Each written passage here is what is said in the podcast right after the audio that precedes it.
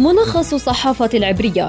برنامج يستعرض أهم وأبرز العناوين والأخبار في الصحافة الإسرائيلية. ملخص الصحافة العبرية زبدة القيل والقال في صحافة إسرائيل. طابت أوقاتكم مستمعينا إليكم ملخص الصحافة العبرية. معكم في الإعداد والتقديم عبر شبكة أجيال الإذاعية خلدون البرغوثي. أستعرض معكم أبرز ما تناولته وسائل الإعلام العبرية صباح اليوم. هيئة البث الإسرائيلية تكتب إسرائيل تجمد 600 مليون شيكل من أموال الضرائب الفلسطينية. وفي صحيفتها أرتس محاضر المحكمة في قضية مجزرة كفر قاسم كشفت ولم تتزلزل الأرض. يجب الكشف عن المزيد من المعلومات للجمهور تقول هآرتس.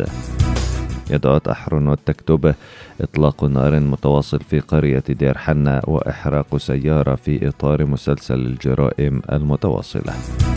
صحيفة إسرائيل هيوم تكتب حكومة بنت لبيد فشلت في سن القوانين. فقط 43% تم سنها من خلال الائتلاف. في صحيفة معاريف نفتلي بنت يكشف نتنياهو تسبب بقطيعة بين إسرائيل والأردن لسنوات بسبب صورة واحدة.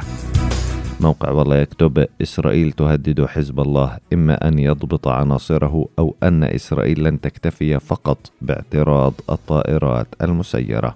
وتشير القناة الثانية عشر إلى سبب هذا التهديد. حزب الله نشر فيديو لمنصة غاز إسرائيلية وقال إنها في مدى صواريخها. وفي القناة الثالث عشر انخفاض في أسعار الوقود في إسرائيل وارتفاع في أسعار الكهرباء. قالت القناة الثانية عشر العبرية إن المجلس الوزاري الأمنية السياسية المصغر في إسرائيل قرر تجميد 600 مليون شيكل من أموال الضرائب الفلسطينية بسبب استمرار السلطة في دفع رواتب للأسرى ولأسر الشهداء. وحسب هيئة البث الإسرائيلية فإن الاستيلاء على الأموال الفلسطينية سينفذ على 12 دفعة وهو أمر ملزم للحكومة الإسرائيلية بعد إقرار الكنيست قانونا يفرض الاستيلاء على الأموال الفلسطينية.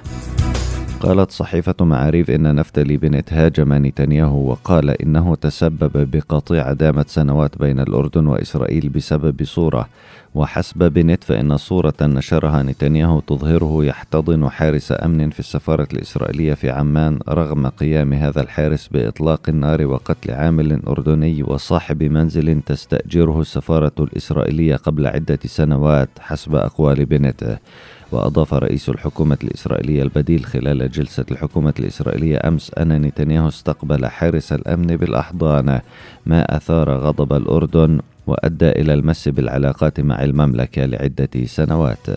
قالت صحيفة هآرتس إن على الحكومة الإسرائيلية السماح بفتح الأرشيف الإسرائيلي والكشف عن المعلومات التي أخفتها إسرائيل لعشرات السنوات. وحسب هآرتس فإن محاضر محاكمة منفذي مجزرة كفر قاسم التي تم الكشف عنها لم تؤدي إلى زلزال كما كان يخشى المستوى العسكري في إسرائيل. وهذا المستوى حاول عبر النيابة العسكرية ولمدة خمس سنوات عرقلة الكشف عن هذه الوثائق بادعاء أنها ستؤدي إلى المس بصورة إسرائيل دوليا وربما تؤثر على علاقاتها الخارجية صحيفة هآرتس أضافت أن ذلك لم يحدث وتحجب إسرائيل الوثائق والأرشيف المتعلق بالعمليات العسكرية والمجازر وعمليات التطهير العرقي خلال النكبة وما بعدها خاصة بعد استخدام هذا الأرشيف من قبل مؤرخين إسرائيليين جدد كشفوا جرائم الاحتلال.